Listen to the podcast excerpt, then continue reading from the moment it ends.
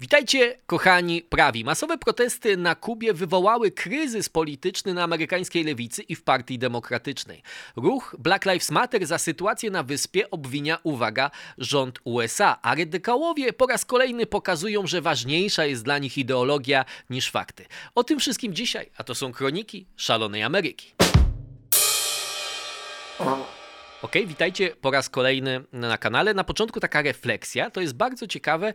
Ostatni film nie cieszył się takim zainteresowaniem, może zainteresowaniem się cieszył, ale nie cieszył się taką ilością jak wyświetleń, jak ostatnio średnio mi się to zdarza. Ten film o Trumpie, cenzurze w internecie i albo to wynika z tego, że jakoś zasięgi zostały obcięte, albo to wynika z tego, że być może Trump nie budzi już takich emocji jak kiedyś. Kiedyś jakikolwiek filmik ze słowem Trump w tytule cieszył się dużym zainteresowaniem.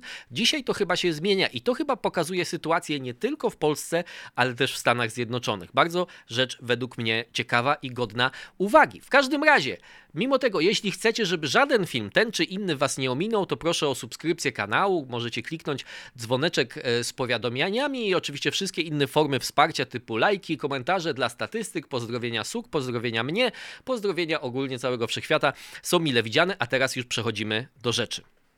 Temat niezwykle ciekawy. Sytuacja na Kubie. Jak wiecie, na Kubie odbywają się protesty, ale my spojrzymy na te protesty nie stricte na to, co się dzieje na Kubie, choć o tym też trochę powiem, ale bardziej na to, jak to jest kwestia dzieląca amerykańską scenę polityczną i to tak naprawdę chyba dzieląca ją od lat co najmniej 60., 70.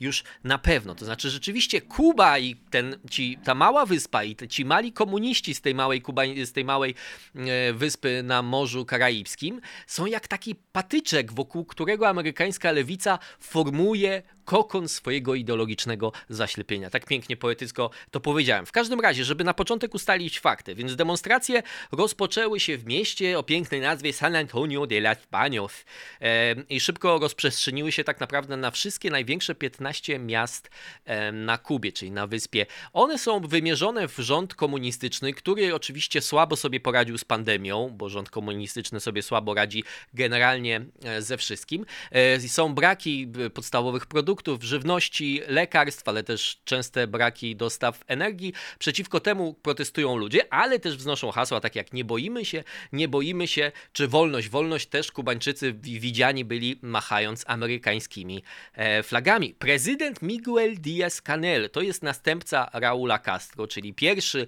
kubański przywódca, przywódca kubańskiej rewolucji nie należący do klanu Castro. To ciekawe, zdecydował się na bardzo ostrą e, retorykę. Oczywiście był stwierdzony, twierdzę, że to sankcje amerykańskie, to embargo spowodowało to, to jest wszystko, Kuba komunistyczna jest zduszona przez amerykańskiego potwora imperialistycznego i tak dalej. Oczywiście to embargo ma wpływ pewnie na Kubę, o tym zresztą będziemy jeszcze mówić. E, no ale on twierdzi też, że protestami w ogóle jacyś amerykańscy prowokatorzy, czy może prowokatorzy opłaceni przez Amerykanów. Natomiast jego słowa, co też pokazuje, że taki duch rewolucyjny, przynajmniej na tych najwyższych szczytach kubańskich władz nie zginął. E, on stwierdza, Diaz-Canel mówi, mówi, rozkaz do walki został wydany na ulicę rewolucjoniści. Co pokazuje też, że on chyba miał plan i zresztą e, media opisywały takie sytuacje, że nagle gdzieś tam się pojawiło 300 czy 400 lojalistów rządowych, ale chyba te akcje nie miały zbyt wielkiej skuteczności. E, Diaz-Canel mówi dalej, wzywamy wszystkich rewolucjonistów tego kraju, wszystkich komunistów, by wyszli na ulicę wszędzie, gdzie będą miały miejsce takie prowokacje, mówi Diaz-Canel. Stawcie im czoła w decydujący, twardy i odważny sposób. To chyba jest właśnie taki pomysł na taką strategię, żeby to było pokazane jako starcie dwóch frakcji, czy taka ala mała wojna domowa protestujących, prawda? Natomiast chyba to się nie udało. Rząd rzeczywiście wprowadził dosyć ostre represje, są tłumione demonstracje, gaz jest użyty, gumowa e, amunicja, kilkudziesiąt, kilkadziesiąt osób, e, czy nawet kilkaset już w tej chwili zostało aresztowanych. Symboliczną, e, że tak powiem, e, symboliczny wymiar i taki, który jakby większość mediów podchwyciła, miała sytuację z Diną Fernandez. Ona jest znana jako Dina Stars, to jest gwiazda kubańskiego YouTube'a, która udzielała na żywo komentarza w hiszpańskiej telewizji i podczas udzielania tego komentarza powiedziała, że właśnie do jej mieszkania przyszli przedstawiciele władz i chcą ją aresztować, zabrać na komisariat. To wszystko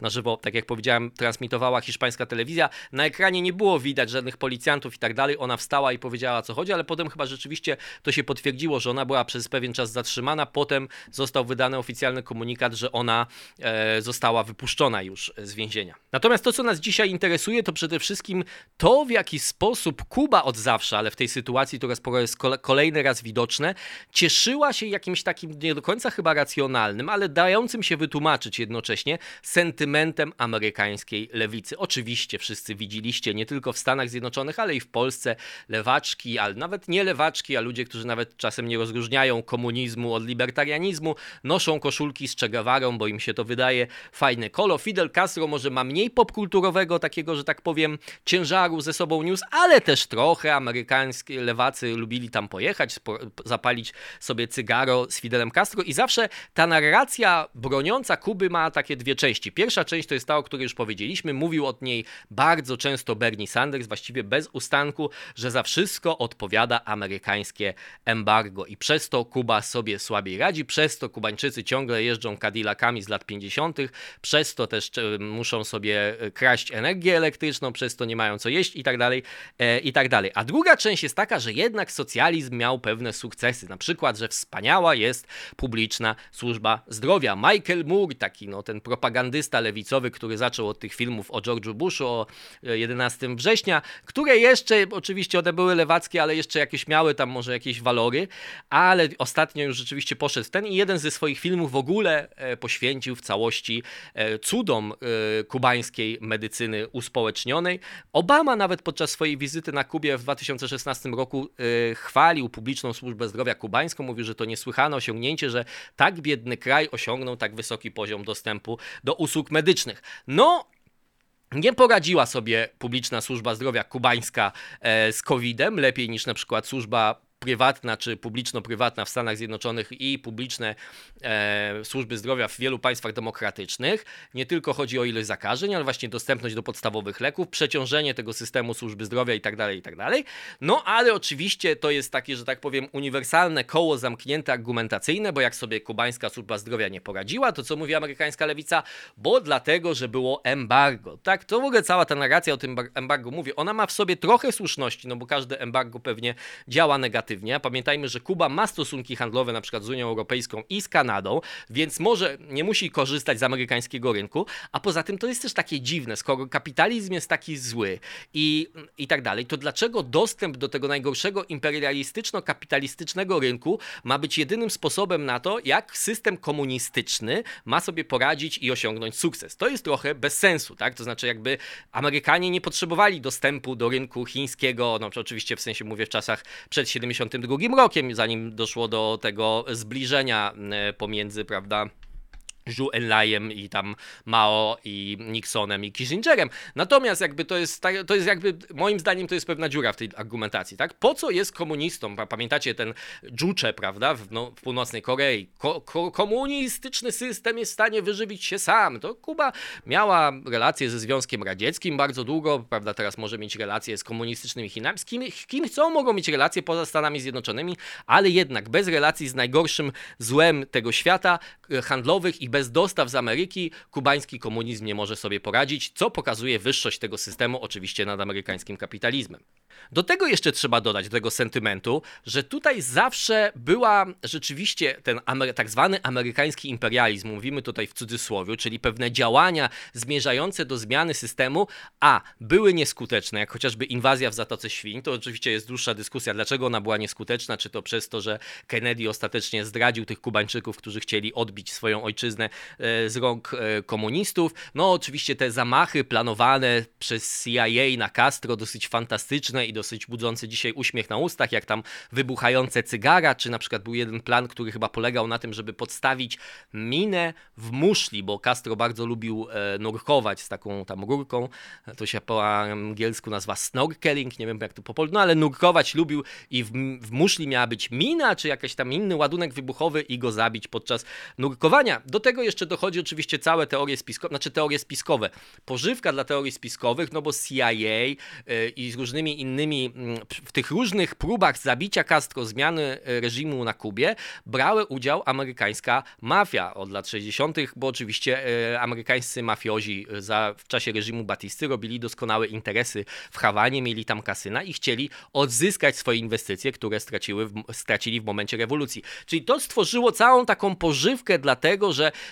Kuba była celem amerykańskiego imperializmu, amerykański imperializm poniósł tam porażkę, embargo też poniosło porażkę i to wszystko jakby dokłada trochę do pieca tego sentymentu lewicowego wobec komunistycznego reżimu na Kubie. Do tego oczywiście dochodzi pewna fascynacja estetyczna. Jak sobie oglądacie na przykład programy podróżnicze z Kuby, moja konkubina lubi takiego tego już nieżyjącego Antonego Burdena, zresztą człowiek lewacki, ale taki raczej myślący byśmy powiedzieli, ale nawet w jego programie on siedzi na tej Kubie i rozmawia z tymi Kubańczykami i mówi, że będą tutaj amerykańskie inwestycje i czy to nie sprawi, że wszystko się zmieni na gorsze. Wiecie, że postawią McDonalda i to takie będzie ten klimat, nie? Bo jednak klimat to się najbardziej czuje jak tak dookoła człowieka, jak jest na wakacjach, jest taka bieda, ludzie chodzą w rozwalonych butach, jeżdżą starymi samochodami, ale wszyscy są radośni, bo jest ciepło, piją capirinie, czy tam cokolwiek się rum piją sobie, prawda? I tańczą salsy. To jest taki po prostu pewna historyjka, którą sobie opowiadają Amerykanie, że jest, chociaż ludzie są biedni, to są szczęśliwi i to też jakby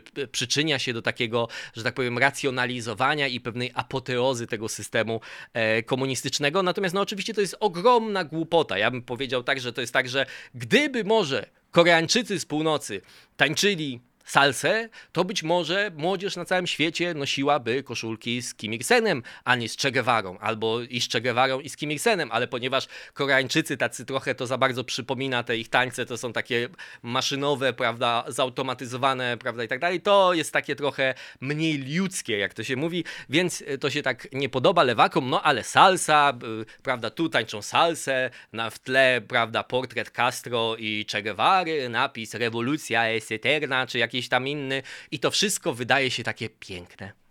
No dobrze, przechodzimy teraz do tego, co się dzieje teraz, jak amerykańska lewica, szczególnie ta radykalna lewica, reaguje na to, co się dzieje na Kubie. Dlaczego ludzie, tysiące ludzi, po raz największe protesty od 1994 roku, a niektórzy opozycjoniści y, kubańscy uważają, że w ogóle od czasu początków rewolucji komunistycznej, czy od 1959 roku, to są największe, najbardziej powszechne protesty na Kubie. Jednak kubański reżim dosyć skutecznie e, podcinał skrzydła wszelkim działaniom opozycyjnym, dosyć skutecznie wyłapywał tych opozycjonistów, i taki nagły wybuch protestów, które wydają się też być niezorganizowane do końca, chociaż oczywiście ludzie się nie posługiwali internetem takimi rzeczami, jest dosyć ciekawym e, zjawiskiem. Natomiast oczywiście w przypadku lewaków, no to jest taki, że tak powiem, to jest naczelny przykład tego, co Lenin nazywał sprzedawaniem kapitalistom liny, który, na której oni się sami powieszą, bo wszyscy amerykańscy lewacy zasadniczo powtarzają linię propagandową koreańskiego reżimu, a robią to po to,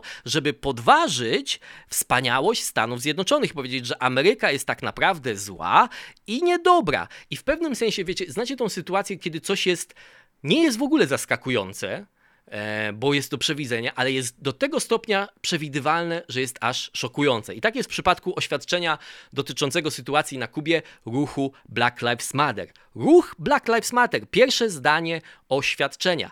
Kubańczycy biegają, prawda, po ulicach z amerykańskimi flagami. Krzyczą, że chcą wolności, a ruch Black Lives Matter w pierwszym zdaniu swojego oświadczenia pisze tak. Black Lives Matter potępiają nieludzkie traktowanie Kubańczyków, dobrze się zaczyna, prawda, przez rząd federalny USA i wzywają go do natychmiastowego zniesienia ekonomicznego embargo. Piękne to jest. W dalszej części yy, i tam jeszcze coś tam, bla bla bla, e, lud Kuby jest karany przez rząd USA, ponieważ zachował swoje przywiązanie do suwerenności i samostanowienia Lud Kuby nie ma żadnej suwerenności i nie ma żadnej zasady samostanowienia, bo tam nie odbywają się żadne demokratyczne, z prawdziwego zdarzenia wybory. Ale no bo jak komuniści się samostanowią, no to musi być dobre. To jest, to jest przeciwko imperializmowi samostanowienie. E, dalej czytamy, aha, e, do, i decydowania własnym losie. Liderzy USA starali się zgnieść rewolucję od dekad. Kuba historycznie okazywała swoją solidarność z prześladowanymi ludami afrykańskiego pochodzenia od ochrony czarnych rewolucjonistów jak Asata Shakur, to jest taka e, członkini, e, czy to był członek, już nawet nie wiem, Czarnych Panter w każdym razie, takie była oczywiście organizacja oskarżana o terroryzm i dokonująca pewnych aktów terroryzmu w pewnych momentach, która dzisiaj przez ruch Black Lives Matter oczywiście jest w pewnym sensie rehabilitowana, która uciekła e, na Kubę przez amerykańskim systemem sprawiedliwości. I wsparcie czarnych ruchów wyzwoleńczych w Angolii, Mozambiku, Gwinei Bissau i Republice Południowej Afryki. No jak Kubańczycy wspierali chociażby rewolucję w Angolii, zresztą te wszystkie wojny, które wspierały, wspierała armia kubańska, to tak naprawdę były wszystko wojny kolonizacyjne, tylko nie prowadziły ich imperia zachodnie, czy też imperium amerykańskie, tylko tą kolonizację próbował prowadzić Związek Radziecki rękami swoich sojuszników, między innymi z Kuby. I oczywiście w tych rewolucjach ginęli głównie czarni mieszkańcy tych państw, bo w większości to byli czarni mieszkańcy czarnej Afryki.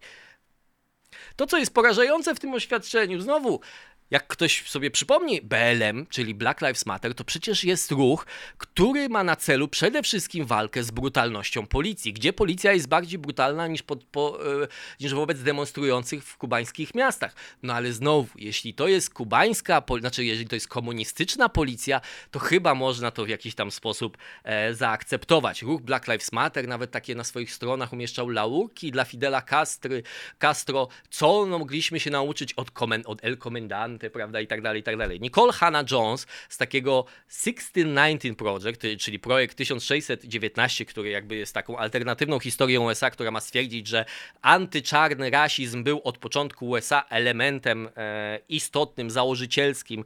Co prawda USA w ogóle nie powstały w 1619 roku, tylko powstała angielska kolonia i ponieważ niewolnictwo było e, legalne w tym czasie w Wielkiej Brytanii, to i w tej kolonii niewolnictwo było legalne, ale nieważne. E, Nicole Hannah-Jones w wywiadzie z Ezra Kleinem z New York Timesa kiedyś stwierdziła coś takiego. Kuba poradziła sobie z nierównościami społecznymi. Najbardziej legalitarne, wielorasowe społeczeństwo na naszej półkuli to byłaby Kuba.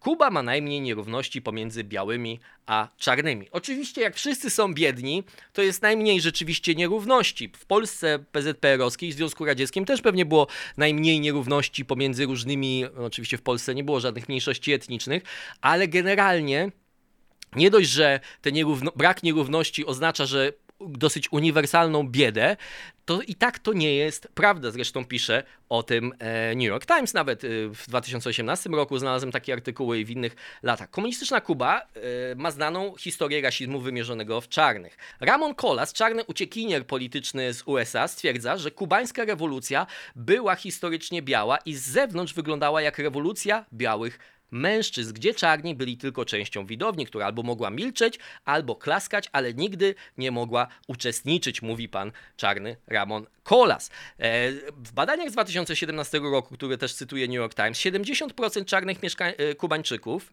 czarnych i mieszanych Kubańczyków, e, nie miało dostępu do internetu, a dotyczy to tylko 25% białych Kubańczyków. 50% białych miało konto w banku i tylko 11% czarnych miało konto w banku.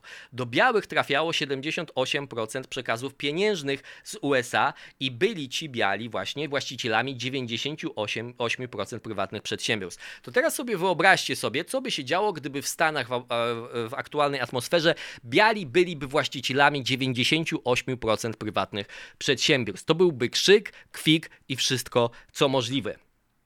Co jest to, co jest ciekawe też i pokazuje też charakter rasowych stosunków na Kubie, tylko 9% Kubańczyków identyfikowało się jako czarni w spisie powszechnym z 2012 roku. Choć gdyby przyjąć te same kryteria, które się przyjmuje w Stanach Zjednoczonych, czyli że jeżeli ktoś ma domieszkę krwi czarnej, nawet połowę albo nawet czasem mniej, to może się identyfikować jako czarny. Gdyby przyjąć te standardy, to nawet większość, a niektórzy oceniają, że nawet 90% kubańskiej populacji mogłaby zostać zakwalifikowana jako czarna.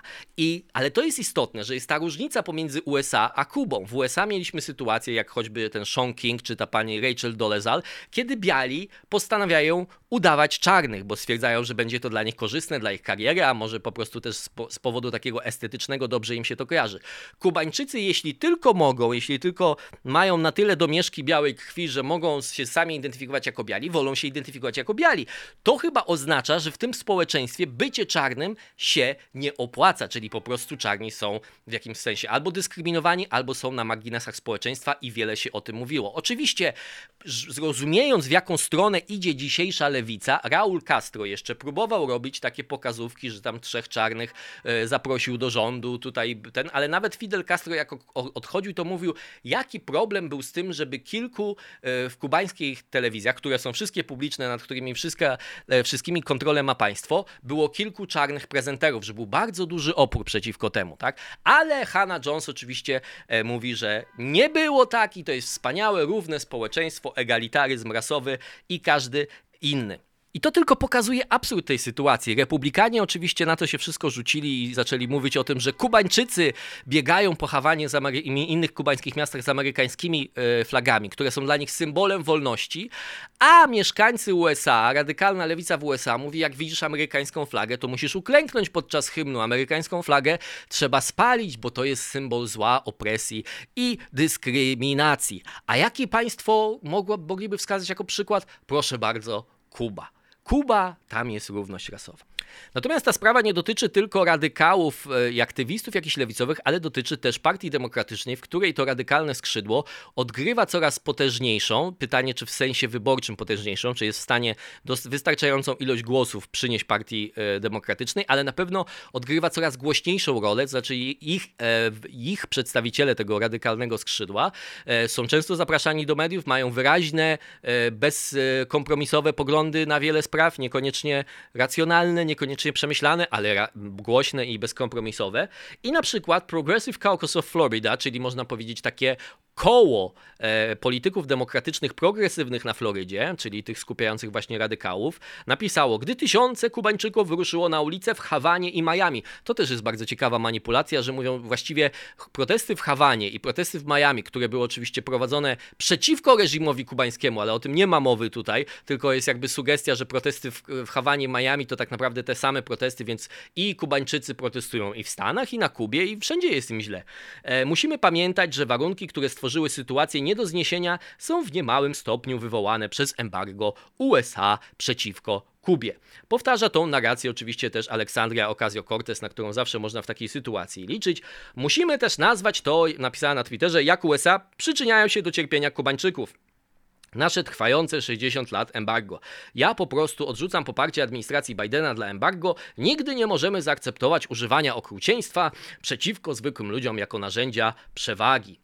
No i ale jest grupa centrowych de demokratów, którzy jakby czują pismo nosem i im się to nie podoba. Na przykład mm, Debbie Mockersell, chyba to się tak czyta, jej nazwisko Powell, była kongresmenka z Florydy, która, i to jest bardzo istotne, straciła swoje, e, swój mandat w 2020 roku, gdy stan mocno przesunął się w stronę republikanów, widząc w Bidenie, mimo tego, że Biden miał mieć ten wizerunek centrowy, że Biden mimo wszystko też symbolizuje to przesuwanie się coraz bardziej partii demokratycznej w lewo i dla Kubańczyków czy uciekinierów uciekinierów, często z Kuby, często politycznych, często ekonomicznych, słowo socjalizm nie kojarzy się e, najlepiej. I pani Powell mówi między innymi coś takiego, że e, AOC po prostu się myli i wskazuje na fatalną politykę komunistycznego reżimu, który narusza prawa człowieka, wsadza, więzień, e, wsadza do więzień i zabija dysydentów. Powell też dodaje, że USA mogą coś robić, to jest kwestia bezpieczeństwa narodowego, USA muszą działać. Manny Diaz, to jest szef demokratów na Florydzie, mówi: Wzywam wszystkich do Amerykanów do solidarności z Kubańczykami w tej czarnej godzinie, gdy ich rząd wybrał represję zamiast zaspokojenia potrzeb własnych obywateli. Ludzie na ulicach Hawany i Palmo Soriano mają rację domagając się ojczyzny i życia, machając kubańskimi i amerykańskimi flagami. To nie jest kwestia partyjna, ale taka, która powinna zjednoczyć całe nasze społeczeństwo. Naród kubański nas teraz potrzebuje. Czyli ci demokraci wiedzą, że jeżeli e, Partia Demokratyczna będzie dalej szła w tą stronę, to na pewno może pożegnać się z e, wygraną jakichkolwiek mandatów na Florydzie i kiedykolwiek liczyć na to, że wygra delegatów e, w wyborach prezydenckich z Florydy, to hasło, o którym on mówi, ojczyzna i życie, to tylko taka, taki przypis mały. E, ojczyzna i śmierć to było hasło patria e la muerte, czy jakoś tam, nie znam hiszpańskiego, więc tak sobie bawię się tymi słowami. To Castro wymyślił to na wielu ścianach w Hawanie jest napisane, ale w 2018 roku zespół raperów taki protest song nagrał przeciwko partii, przeciwko władzom komunistycznym, który właśnie nazywał się Ojczyzna i życie. I to stało się hasłem bardzo popularnym, hashtagiem nawet w kubańskim internecie.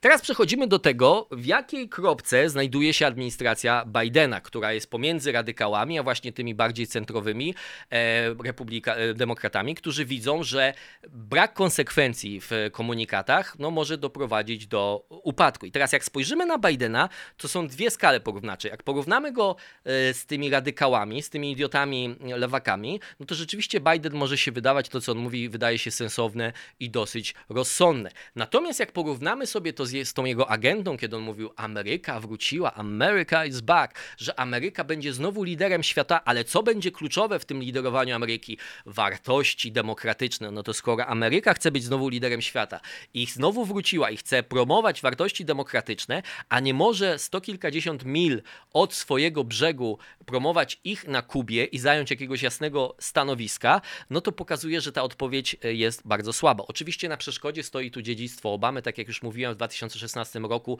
Obama wizytował Kubę, dał znak, pierwsze oznaki tego, że może zbliża się zniesienie embarga ekonomicznego, mówił o tych osiągnięciach, fotografował się z Raulem Castro, nawet poszli sobie razem na mecz baseballa. Natomiast Biden w swoich wypowiedziach y, nie pozostawał złudzeń, powiedział coś, co jakby republikanom powinno przypaść e, do gustu. Powiedział, że e, Kuba jest państwem w stanie upadku. Zapytano o to, czym jest komunizm według niego. On powiedział, komunizm jest systemem, który poniósł uniwersalną porażkę, dodając tak już od siebie, że mi osobiście nie wydaje się, by socjalizm był dobrym zamiennikiem zamiast komunizmu e, w domyśle. Natomiast tutaj jest pewien problem, bo ten komunikat padł bodajże podczas wspólnej konferencji z Angelą Merkel. Biden nie wydał żadnego jasnego oświadczenia, nie wydał żadnej zmiany polityki i jeżeli chodzi o Kubę, mamy taką dziwną sytuację, że od początku administracji Bidena w kontekście statusu dyplomatycznego polityka e, wobec Kuby znajduje się w statusie tak zwanego przeglądu, czyli review. Trump wprowadził bardzo ostre sankcje, między innymi wstrzymał wypłaty e, środków prywatnych przez Kubańczyków, imigrantów do Stanów Zjednoczonych, do ich rodzin na Kubie. I Biden zresztą powiedział ostatnio, że on nie zamierza przywrócić możliwości dokonywania tych przekazów pieniężnych, dlatego że jest obawa, że te pieniądze zostaną zarekwirowane przez reżim komunistyczny na razie wydaje się, że to jest dobry czas, żeby ten przegląd wreszcie się zakończył po kilku miesiącach i e, Biden zdecydował, czy będzie bardziej liberalny kurs, czy będzie utrzymanie kursu Trumpa, czy będzie jeszcze zaostrzenie tego kursu. Zobaczymy, jak to się skończy, ale nieoficjalnie w amerykańskiej prasie już się pojawiają takie artykuły, że bardziej centrowi demokraci mówią o tym, wywierają nacisk na Bidena i mówią o tym, że jeżeli administracja nie zrobi czegoś wkrótce, to oni zaczną prowadzić własną politykę w i swoich stanach, gdzie jest często duża mniejszość, oczywiście tu chodzi przede wszystkim o Florydę, Florydę, mniejszość kubańska, żeby po prostu ograniczyć swoje polityczne straty. Natomiast jest jeszcze jeden ciekawy kontekst, o którym może się rzadko tutaj mówi. Kontekst dotyczący imigracji. Doskonale na pewno wiecie, bo też mówiłem o tym w swoich kilku filmikach, że od początku administracja Bidena przyjęła bardzo miękką pozycję wobec tej imigracji, przekraczania nielegalnego granicy południowej Stanów Zjednoczonych. To oczywiście jest imigracja w dużej części z Meksyku, ale też w dużej części z państw Ameryki Środkowej, Gwatemali, Nikaragui itd., itd., itd., itd. I wówczas Aleksander Majorkas, czyli który jest no jakby członkiem administracji najbardziej odpowiedzialnym, sekretarz e, Departamentu Bezpieczeństwa Wewnętrznego, w wywiadzie z George'em Stepanopulosem bodajże, zapytany o to, czy nie należałoby powiedzieć, żeby ludzie, imigranci nie przybywali do Stanów Zjednoczonych, bo zostaną odesłani z powrotem, czy taki komunikat nie byłby w tej sytuacji, gdy kryzys imigracyjny już wtedy się mocno rozgorzał, byłby najlepszy. Majorkas wtedy tak się zaczął kręcić i mówi, który zresztą sam jest kubańskim imigrantem, i on mówi wtedy: Nie przybywajcie teraz, bo musimy odbudować te wszystkie nasze instytucje, musimy odbudować te miejsca przetrzymywania, czyli innymi słowy, właściwie można przybywać do Stanów Zjednoczonych, tylko jakbyście byli tak mili nie przybywali teraz, to byście nam pomogli właśnie w załatwieniu pewnych tam e, szczegółowych formalności. Natomiast teraz, kiedy, zaczą, kiedy zaczęli Kubańczycy masowo opuszczać Kubę i podobny kryzys jest, na, znaczy nie podobny charakterze, ale też kryzys mamy na Haiti i sporo Haitańczyków też próbuje dostać się do Stanów Zjednoczonych, część z nich udaje się na morze, w poszukiwaniu e, wolności. Nagle Majorkas przybiera zupełnie inny ton i mówi tak: Pozwólcie, żeby to było jasne. Jeśli wyruszycie w morze, nie dotrzecie do Stanów Zjednoczonych.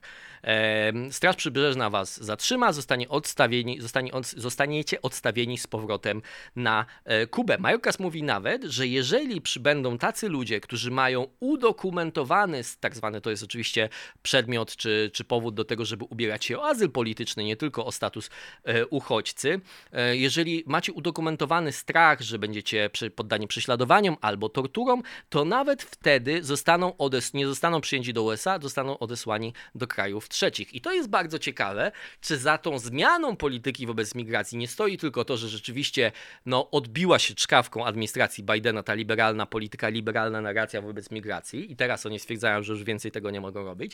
Czy może jest tak, że wolą jednak tych imigrantów, tych, o których powiedziałem wcześniej, tych, którzy przekraczają granicę lądową z Nikaragui, z Gwatemali, z Meksyku, no bo ci Kubańczycy, do, którzy doświadczyli socjalizmu, jak znalazł, wyborcami oczywiście po pewnym czasie, gdy uzyskają prawa wyborcze, będą wyborcami republikanów. A to oczywiście demokratom się bardzo nie podoba. Bardzo ciekawy kontekst dodatkowy. Śledźcie to, jak macie jakieś komentarze, to bardzo chętnie ich posłucham, a tymczasem widzimy się już niedługo.